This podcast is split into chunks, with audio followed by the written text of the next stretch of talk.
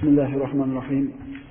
إن الحمد لله نحمده ونستعينه ونستغفره ونعوذ بالله من شرور أنفسنا ومن سيئات أعمالنا. من يهده الله فلا مضل له ومن يضلله فلا هادي له. ونشهد أن لا إله إلا الله وحده لا شريك له. ونشهد أن محمدا عبده ورسوله. أما بعد السلام عليكم ورحمة الله وبركاته.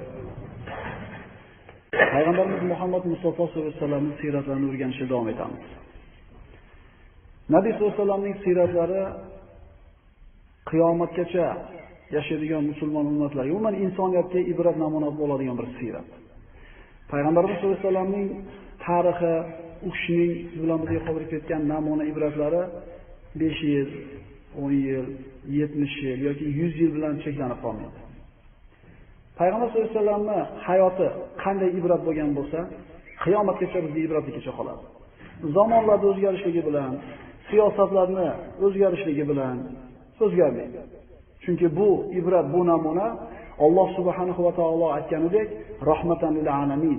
Butun olamlar uchun rahmat qilib yuborilgan zotning siyrati modomiki mana shu siyratni mahkam ushlar ekanmiz biz hech qachon adashmaymiz. Nabiy sallallohu alayhi vasallam aytganlar sizlarga ikkita narsani qo'yib ketyapman. Modomiki mahkam ushlasanglar hargiz hargiz adashmaysizlar bu mening sunnatim va alloh taoloning kitobi. Biz mana shu sunnatni mana shu payg'ambar sallallohu alayhi vasallamni muborak siyratlarini o'rganyapmiz umar ibn hattob roziyallohu anhu iymonga kelganidan keyin quraysh tang ahvolga tushib qoldi chunki bir tomondan hamza ibn abdul muttolib ikkinchi tomondan umar ibn hattob iymonga keldi musulmonlarga haqiqatan payg'ambar sallallohu alayhi vasallam duo qilganlaridek umarning islomi islomga quvvat bo'ldi Quraysh nima qilishlikka hayron bo'ldi. Yana ham musulmonlarga aziyatni qattiqlashtirdi. Kunlardan birida Abu Jahl alayhi la'na payg'ambarimiz sollallohu alayhi vasallam oldiga kelib aytdiki: "Ey Muhammad, agar sen bizni olihalarimizni haqorat qilishlikni to'xtatmasang, biz Allohni so'kamiz." Ularni mushriklarni so'kishlikda, olihalarni so'kishlikda albatta manfaat bor, lekin Alloh taoloni so'kishlikka olib boradigan bo'lsa, buning zarari keltiradigan manfaatdan kattaroq edi. Shunda Alloh subhanahu va taolo Qur'onda oyat nozil qildi. Abu Jahl Allohga ham ibodat qilar edi, boshqa butlarni sherik qilgan holatda. Lekin ahmoqligidan, ilmsizligidan, islomga adovatidan Alloh taoloni so'kishlikka ham tayyor bo'ldi. Astagfirullah va la tasubbul ladzina yad'una min dunillah fayasubbulloha adwan bighayri ilm. Kazalika zayyana likulli ummatin amalahum thumma ila robbihim marji'uhum fayunabbi'uhum bima kanu ya'malun. Allohdan o'zgaga sig'inadigan kimsalarni, butlarini so'kmangiz. U holda ular hadlaridan oshib, johillik bilan Allohni so'kurlar. Har bir millatga o'zlari qilgan amalni mana shunday chiroyli ko'rsatib qo'yganmiz. So'ngra Parvardigorlarga qaytmoqlari bor. Bas, u zot ularga qilib o'tgan amallarni xabarini berur. Ya'ni Abu Jahlga Allohni so'kishlik chiroyli bo'lib ko'rinyapti. har bitta qavm, har bitta millatga deyapti Alloh taolo o'zini qilayotgan ishini chiroyli qilib ko'rsatib qo'yganmiz. Alloh taolo aytadi Qur'onda: "Kullu hizbin bima ladayhim farihun." Har bitta to'da deyapti Alloh taolo, har bitta jamoat o'zida bor narsa bilan quvnab yashaydi. Puldorlar jamoati bo'lsa pul bilan xursand bo'lib yashaydi. E, polvonlar bo'lsa kuchi bilan quvnab yashaydi. Yana nimasi bo'lsa shu narsasi bilan quvnab yashaydi. Har bitta to'da o'zida bor narsa bilan quvnab yashaydi deb aytdim mana. Mana tasavvur qilinglar, akvariumdagi baliq suv ichida turar ekan, bu suvni tiniqligini, ayniganini, rangini, hidini bilishlikka imkoni bormi yo'qmi? Yo'q, chunki o'sha suvning ichida-da balchiq ketsa ham sekin-sekin balchiq bo'lgan. sarg'ayib ketgan bo'lsa ham sekin-sekin. U suvni tashqarisida turgan odam ko'radi buni, sarg'ayganini yoki hidi xush kelib qolganini. U suvni ichiga tushib olgan baliq hech qachon suvni qanaqaligini ajrata olmaydi. qo'ymoq suv ichiga aynib qolibdi, ichida rangi ketib qolibdi desa, yo'q deydi. Shuncha baliq yuribdi deydi. Agar noto'g'ri bo'lsa shuncha baliq yuradi, u baliqlar ham senga o'xshagan akvariumdagi baliqdir. Demak, har bitta to'da, har bitta jamoat o'zida bor narsa bilan quvnab yashaydi. Alloh taolo uni chiroyli qilib qo'ydi deydi. Abu Jahlga Allohni so'kishlik chiroyli bo'lib ko'rindi. Kattaroq va buyukroq zararni daf qilish uchun musulmonlar kofirlarning ilohlarini, olihalarini haqorat qilishni kamaytirishdilar. Qurash o'rtasidagi holat muhatta bir tig'iz tang edi. Uqba ibn Abi Muayyid Payg'ambar sollallohu alayhi vasallamning eng yaqin qo'shnilaridan, Qurayshning sayyidlaridan. Mana shu o'rtaga tushgan tanglikni bir oz yumshatishlik maqsadida Payg'ambarimiz sollallohu alayhi vasallamni uyiga mehmonga, taomga chaqirdi. Mushrik taqvodorlarning ustozi bo'lgan Muhammad Mustafa sollallohu alayhi vasallamni uyiga chaqirganida payg'ambarimiz labbay deb bordilar. Benamoz odamniki emas. Siz bilan men emas. Muhammad alayhisalom mushrik uyiga bordi. Uqba, "Ey Muhammad, taomga qo'lingni uzat" deganida Nabiy sollallohu alayhi vasallam "Yemayman taomingni." Nimaga yemaysan? Shahodat kalimasini aytmaguningcha seni taomingdan yemayman. Payg'ambarimiz sollallohu alayhi vasallamni bu qilgan ishidan maqsadi shu ediki, agar Uqba ham shahodat kalimasini aytib qo'ysa, xuddi Hamzani singari tilidan chiqib ketganligi uchun keyin gapidan qaytishlikdan hijolat bo'lib, islomga kirib qolarmikin degan maqsadda aytgan edi bu so'zni. Uqba u tomonga tortib ko'rdi, har qanday bir chorani qilmoqchi bo'ldi, lekin harcham urinmasin, payg'ambarimiz gapida qattiq turib oldi. Endi arab uchun uyiga kelgan mehmon uni tuzidan totmasdan chiqib ketishligi juda bir katta bir ayb hisoblanadi. Karam, mehmondo'stlik degan sifatlari bor edi ularda. Noiloj payg'ambarimiz sollallohu alayhi vasallamni ovqat yeyishligi uchun Uqba shahodat kalimasini aytdi. Ashhadu an la ilaha illalloh va ashhadu annaka rasululloh. Shundan keyin payg'ambarimiz sollallohu alayhi vasallam Uqbaning taomiga qo'l urib yedilar. Qurash o'rtasida gap tarqab ketdi. Uqba Muhammadga ergashdi. Shunda Ubay ibn Halaf kofirlarning kattalaridan, bu ham sayyidlardan. Uqbani yaqin do'sti edi. Shunday keldida, "E, Uqba dedi, seni yuzing meni yuzimga, meni yuzim seni yuzingga harom. Senga gapirmayman, meni do'stim emassan. Muhammadni borib yuziga tupurasan, keyin do'st qilaman." dedi.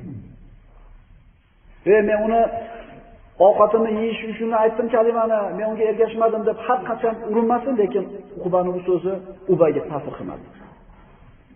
Shunda Uqubani oldidagi holati nihoyatda bir qiyin edi. Yo payg'ambar sollallohu alayhi vasallamni tanlashlik kerak yoki Qurashni Saidlarni tanlash kerak. Uqba Qurashni tanladi. Payg'ambarimiz sollallohu alayhi vasallamni oldiga borib, muborak yuzlariga tupurdi. Payg'ambarimiz sollallohu alayhi vasallamdek zot mana shunday haqoratga sukut bilan javob berdi. Alloh taolo bu haqida oyat Va yawma ya'zu zolim ala yadayhi يقول ya laytani اتخذت مع rasuli sabila. Ya waylata laytani lam attakhid fulanan khalila. Laqad adallani an الذكر ba'da iz جاءني وكان kana ash-shaytonu lil insani hadula. Alloh taolo Uqbani va mana shu Ubay ibn Halafni qilgan ishlari haqida shunday deydi. U kunda bu zolim qo'llarini, barmoqlarini nazomat qilib tishlab der. Eh, "E, qaniydi men ham payg'ambar bilan bir yo'lni tutganim" deydi.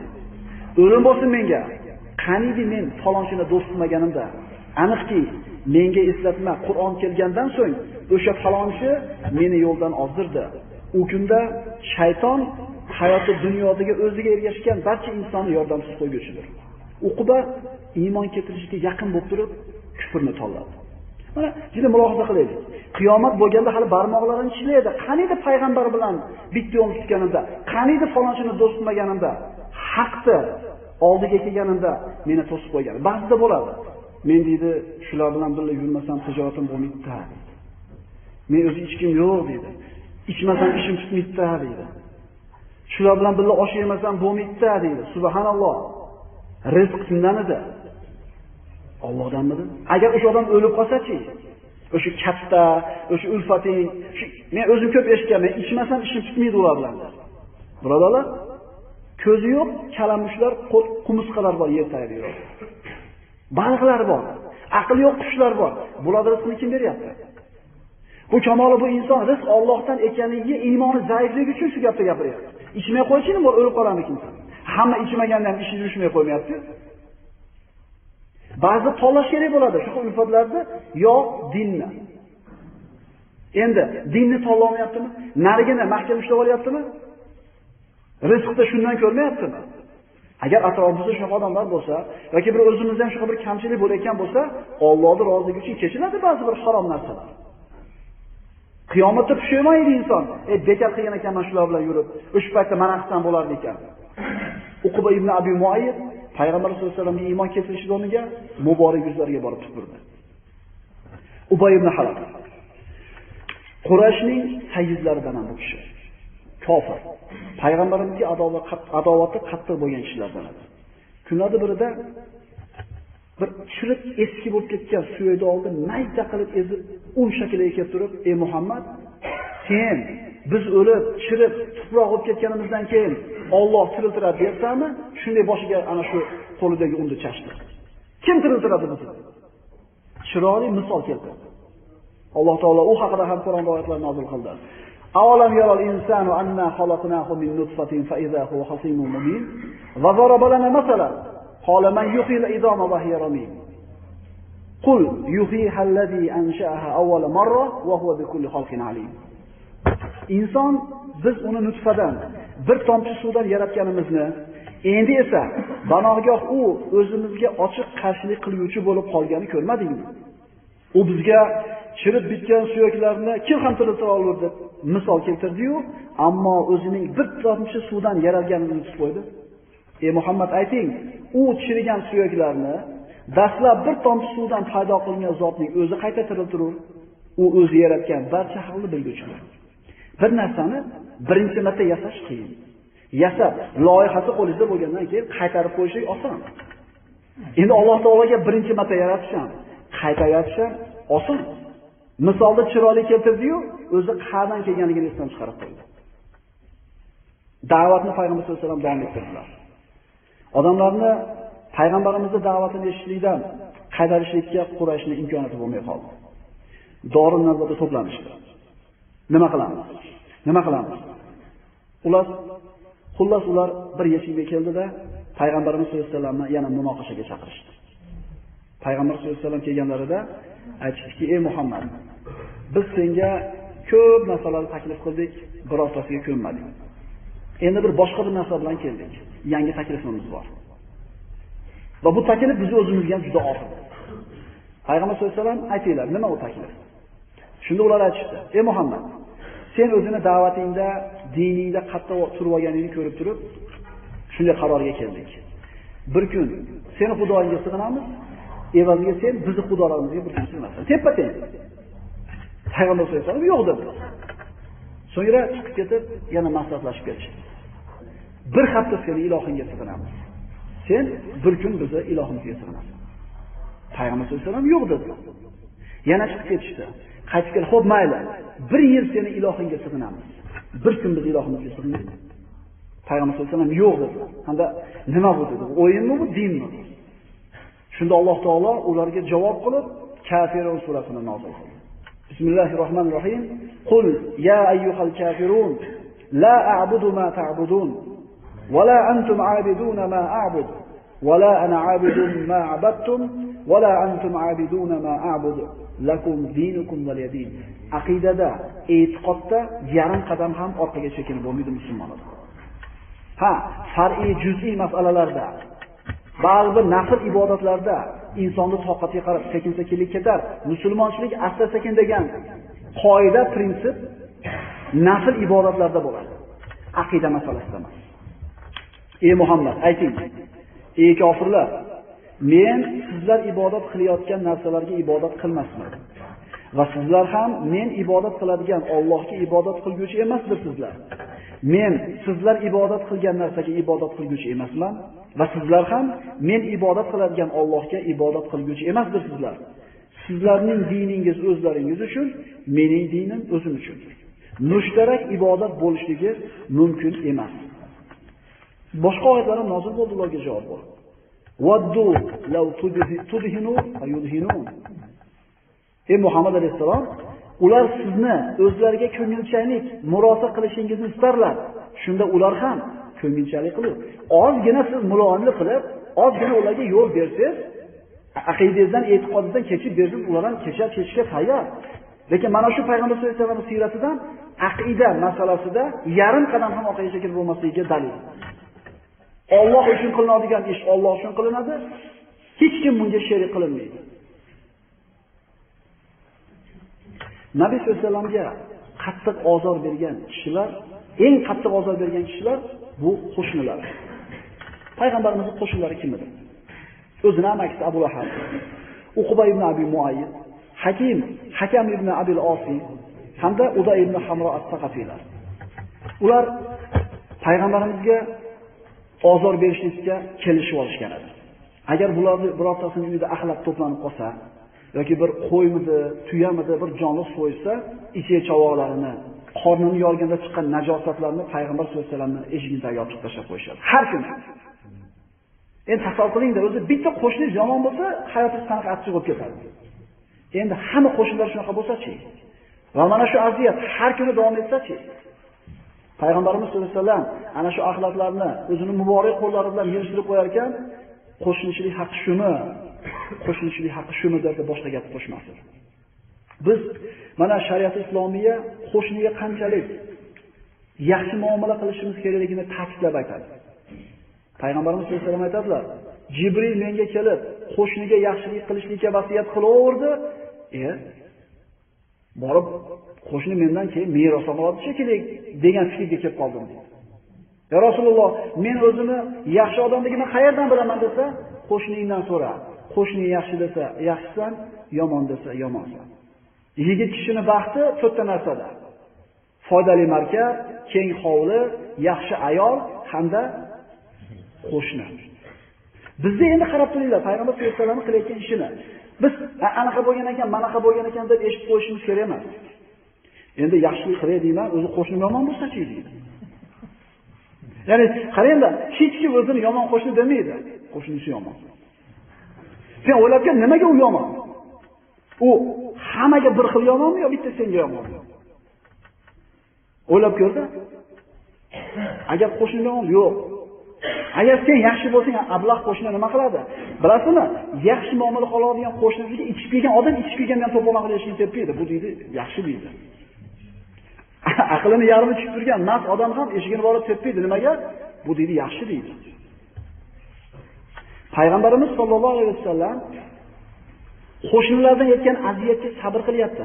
Qo'shniga yaxshilik qilish deganda faqat unga non chiqarish, ko'mirini tashishni tushunmaylik. Qo'shnini aziyatiga sabr qilish ham yaxshi qo'shnichilikda ko'rinishi. Mana payg'ambarimiz sollallohu alayhi vasallam ochiq dushmanlik qilayotgan qo'shnilaridan yetgan aziyatga nima qilyaptilar? Agar yomon bo'lsa ham sabr qilib qo'yaylik. 10 yil yomonlik qilsa bir marta hatto gapirmadi, bir kun insof berib qolar. Demak, payg'ambarimiz qo'shnilardan ko'rgan aziyatlarga sabr qiladilar. Kunlarning birida Nabiy sollallohu alayhi vasallam Ka'batullohning oldida namoz o'qiganlar, Qurayshning sayyidlari o'tirardi. Payg'ambarimizning namozda turganini ko'rib ichlari yonar edi. Shu vaqtda bir qavm keldi, bir tuyani so'yib, go'shtlarni maydalashdi, qonidan chiqqan najosat, ichak chovoq qorinlarni bir joyga tashlab qo'yishdi. Shunda ular kim hozir Muhammad namoz o'qib turganda mana shu ikki chovoqni olib ustiga tashlab qo'yadi. Shunda eng yaqin qo'shnisi bo'lgan o'qib turdi, men dedi. Unga birov pul va'da qilmadi. Anaqa beramiz demadi, badbaxtligidan. Men bu bu bu bu bir-birini shijoatlantirib Payg'ambar sollallohu alayhi vasallam sajda qilib turganlarida Uqba bordi, Ichi chovoqlar yorilgan najosatlarni olib borib Payg'ambar sollallohu alayhi vasallam muborak boshlariga yelkalariga tashlab qo'ydi. Payg'ambarimiz odatda sajda qilib tursalar, uzoq sajda qilardi. Lekin bu safarga turishlari odatdagidan ko'proq bo'lib ketdi. Hech kim payg'ambarimizni boshidan mana shu najosat olib qo'yishlikka quvvati yetmadi. Musulmonlar zaif edi, nochor edi. Sabr qilishdan boshqa chorasi yo'q edi. Hech kim olib qo'yishlikka qurbi yetmadi. Shunda Fatima onamiz payg'ambar sollallohu alayhi vasallamning qizlari keldilarda, olib tozalab atib qo'ydi. Ungacha bu yoqda turib, mana shu ishni qilib qo'ygan Qurash sayyidlari maza qilib kulishdi. Shuni qattiq kulishdiki, quvvatlari ketganidan bir-birlariga suyanib qoldi. Shunda payg'ambarimiz sollallohu alayhi vasallam birinchi marta kelib duo ibodat qildilar. Mana aytamiz payg'ambar sollallohu alayhi vasallam kechirgan, kechirildi, albatta kechirgan, albatta kechirimli bo'lgan. Birodalar, hududi bor hamma narsani. Nabiy sollallohu alayhi vasallam shunday keldilar. Ularning ustiga kelib turib, Parvardigoro, Uqba ibn Abi Muayyidga, Shaybaga, Utbaga, Valid ibn Utbaga mana shu majlisda o'tirgan har bittasini nomma-nom aytib turib, o'zing kifoya qil. Haligi kulgidan asar ham qolmadi. Chunki haram edi. Bu yerda qilingan duolar ijobat bo'lar edi. Muhammad alayhisolamning sodiqul aminligini bilishar edi. Payg'ambarimizni payg'ambar ekanligini bilishardida, bu kulgidan asar qolmasdan tirqirab qochib ketdi. Shu hadisni rivoyat qilayotgan sahoba aytadi: "Allohga qasam, Nabiy sollallohu alayhi vasallam ismini zikr qilgan har bittasini Badr kunida yer tishlaganligini ko'rdim." E'tibor beraylik. Payg'ambarimiz hozir duo qilsa, qachon ijobat bo'ldi duo? 6-7 yilda bo'lgan bo'lsa, Badr g'azoti 2-yilda bo'lgan. 8 yil, 7 yildan keyin ijobat bo'lyapti. Endi Muhammad alayhisolamning duosi 8 yilda ijobat bo'lsa, biz nimaga shoshilishimiz kerak? Payg'ambar sollallohu alayhi vasallam aytadilar: "Yustajabul li ma lam yasta'jil." Sizlarni bittanglar shoshiltirmasanglar, duolar ijobat bo'ladi deydi Nabiy sollallohu alayhi vasallam. Ya Rasululloh, qanaqa shoshiltiradi? U aytadi shoshiltirgan kishi. Allohga duo qildim, duo qildim, bermadi. Rivoyatlarda Musa alayhissalom va Harun alayhissalom ikkita aka-uka payg'ambar Fir'avnni va uni xonadonini halok qilganda duo qilishdi. Bitta payg'ambar emas, ikkita payg'ambar.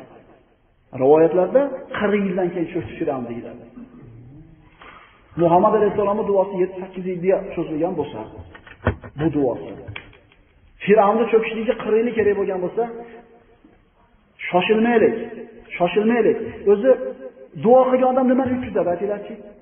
Duo qilgan odamga to'rtta narsa bor. Albatta bittasi bor. So'raganini Alloh beradi. Yoki so'raganiga ikki barobar qilib beradi, ko'paytirib beradi. Yoki shu so'raganichalik ziyondan saqlab qo'yadi. Yoki so'raganini 700 ehtimol undan ko'proq qilib oxiratiga olib qo'yadi. Mana shu yerda holat.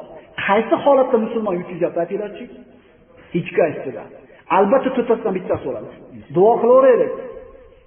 Mo'min kishi Alloh taologa duo qilish kerak, shoshiltirmaslik. Duo qilgani tahorat bo'lish shart emas. Qiblaga qarab o'tirishlik shart emas.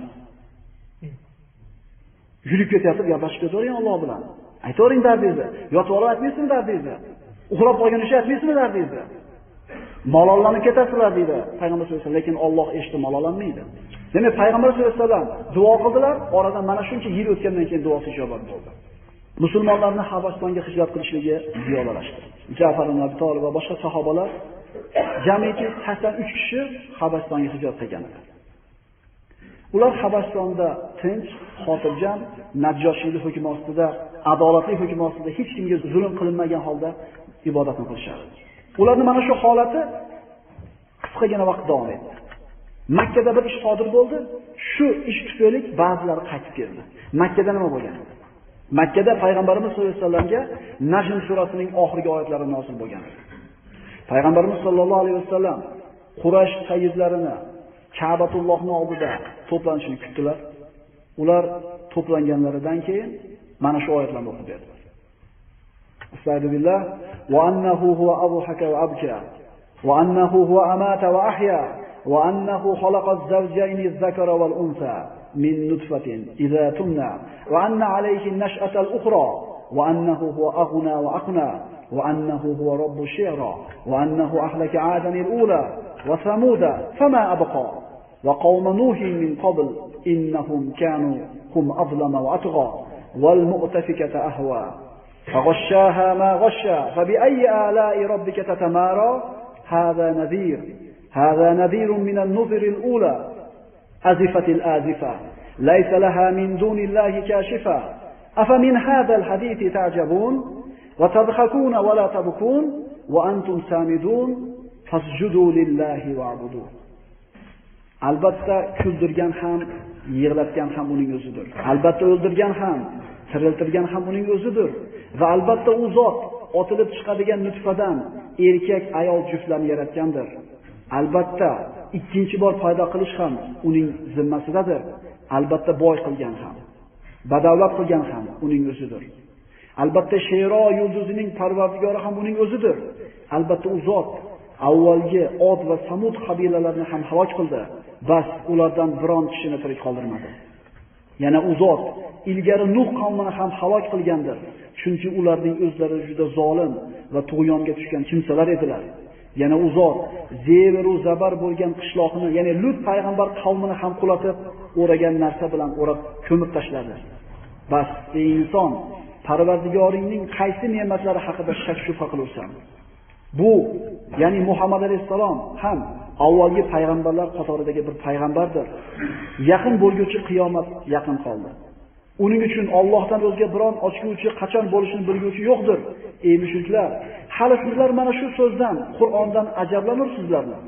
Undagi oyatlarni benazir va bemisil o'git nasihatlaridan ta'sirlanib yig'lamasdan g'ofil bo'lgan hollaringizda kulursizlarmi? Bas, sizlar yolg'iz Allohga sajda va ibodat qiling. Dedilarda payg'ambarimiz sajda qildilar. Oxirgi oyat sajda oyati. Payg'ambarimiz sajda qildilar. Iymonini yashirgan, yashirmagan hamma mu'minlar sajda qilishdi. Hatto Qurayshning hammasi kofirdan tortib boshqasigacha sajda qilishdi. Hamma sajda qildi. Chunki bu oyatlarning buyukligidan, azamatidan, ilohiy bir siyg'adan ta'sirlangan arablar hammasi sajda qilishdi. Faqat bir kishi sajda qilmadi, bir siqim tuproqni olib turib boshiga qo'ydi, mana shu narsa menga kifoya. Lekin hammasi sajda qildi. Arab qabilalari o'rtasida Quraysh Muhammadning so'ziga sajda qildi, itoat qildi degan xabar tarqadi va mana shu xabar Habastonga yetib borib, bu noto'g'ri xabarni eshitib ular qavmimiz iymonga keldi deb qaytib kelishdi, lekin holat avvalgidan ham qattiqroq edi. Quraysh boshqalarni payg'ambarimizning so'zini eshitishdan qaytarib turgan paytda endi o'zlari ham taslimlanadigan bo'lib ketishdi. Endi nima qilish kerak? Endi o'zlari ham taslimlanadigan bo'lib qoldi. Endi bularga iqtisodiy va siyosiy qamal berish. Muqotaa. Muqotoning ma'nosi Muhammadga sollallohu alayhi vasallam va unga ergashganlarni ularga yegulik sotilmaydi, ulardan bir narsa olinmaydi, bir narsa berilmaydi, qiz olinmaydi, qiz berilmaydi. Iqtisodiy qamal. Bu holatni ko'rib Abu Talib payg'ambarimizni bunday qiyin ahvolga tushib qolishidan xavotirga tushib, o'zini urug'ini Bani Hoshim, Bani Abdulmannof, Bani Abdul Muttolib o'tirib, turib, bizni farzandimizga Quraysh qanaqa muomala qilayotganini ko'ryapsizlarmi? Tashlab qo'yamizmi bolamiz? Ular yo'q deyishdi. Ular sotmaydimi? Biz sotamiz. Ular muomala qilmaydimi? Biz muomala qilamiz. Bu uchala urug' o'zidan bo'lgan payg'ambarimiz sollallohu alayhi vasallamni himoya qilib olishdi. Shunda Abu Jahl Qurayshni to'plab turib, Abu Talib degan shuni ko'rdinglarmi? Qurayshda kelishuvini mensimadimi? Endi mana shu uchala urug'ni ham surib qo'yamiz bu chekka. Va butun uchala urug' musulmoni ham, kofiri ham Makkani tashlab tashqariga chiqishdi. Kishi Abu Talib deydi. Abu Talibning bir kichkina bir qishlog'i bo'ldi. Shu yerda yashab mashaqqatda qolishdi. E'tibor beraylik. Urug'chilik, qabilachilik degan narsa qattiqligidan 3 yil davom etib ocharchilik. Musulmonlarini aybiga kofirlar ham turib beryapti. U iymon jihatidan, islomdan bo'lganligi uchun emas, urug'chiligi, qarindoshligidan, hamiyatidan turib chiqib turib beryapti. 3 yil davom etdi bu narsa. Nohaqda qiyinchilik o'tib ketdi.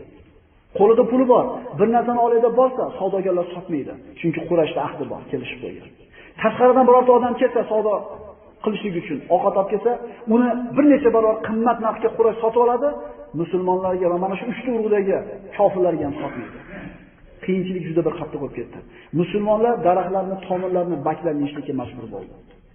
Sahobalardan biri aytadi, kechqurun chiqib davul qilsam deydi qumga. Bir narsani ovozi eshitildi. Ochib qarasam, qo'yni kesib tashlab yuborgan terini bir parchasi ekan deydi. Haligini shoshilib oldim, yuvib tozalab turib, kuydirib shuni yedim deydi. Musulmonlarning holida mana shunday qiyinchilik edi. Mana shunday qiyinchiliklardan o'tgan sahobalarni yelkasiga da'vatni dunyoga yayishlik degan mashaqqati, mehnati tushar edi. Sahobalarni Alloh taolo mana shunday sinagan edi. Mana shunday tarbiya qilgan edi. Bu muqotaning shartlari nima edi?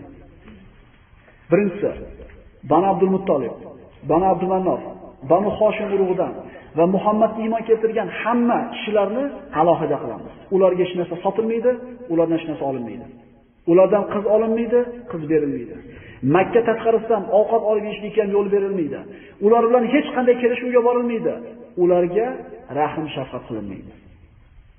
Mana shunday qiyin ahvolda musulmonlar 3 yil qolishdi. Bu vaqtda musulmonlar uchga bo'lingan. Bir qismi Habastonda, bir qismi Abu Talibning qoriyasida, Shi'bada va bir qismi Makkada qolib azoblanayotganlar. Shunday holatda Alloh taolo mu'minlarning qalbiga taskin berib quyidagi oyatlarni nozil qildi. Agar Parvardigoringiz xohlasa edi, butun yer yuzidagi barcha kishilar iymon keltirgan bo'lar edilar. Axir siz odamlarni mu'min bo'lishga majbur qilurmisiz? Ya'ni bunday qilish durust emas. Chunki kishi ixtiyori bilan iymonga kelishi kerak. Dar haqiqat kimda kim Allohdan qo'rqib, sabr qanoat qilsa, albatta Alloh bunday chiroyli amallarni qilguvchi kishilarning mukofotini zoya qilmas.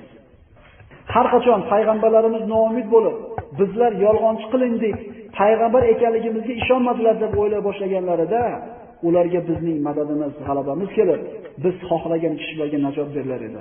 Ammo jinoyatchi bo'lgan qavmdan bizning azobimiz qaytarilmas. أقول قولي هذا واستغفر الله لي ولكم. السلام عليكم ورحمة الله وبركاته.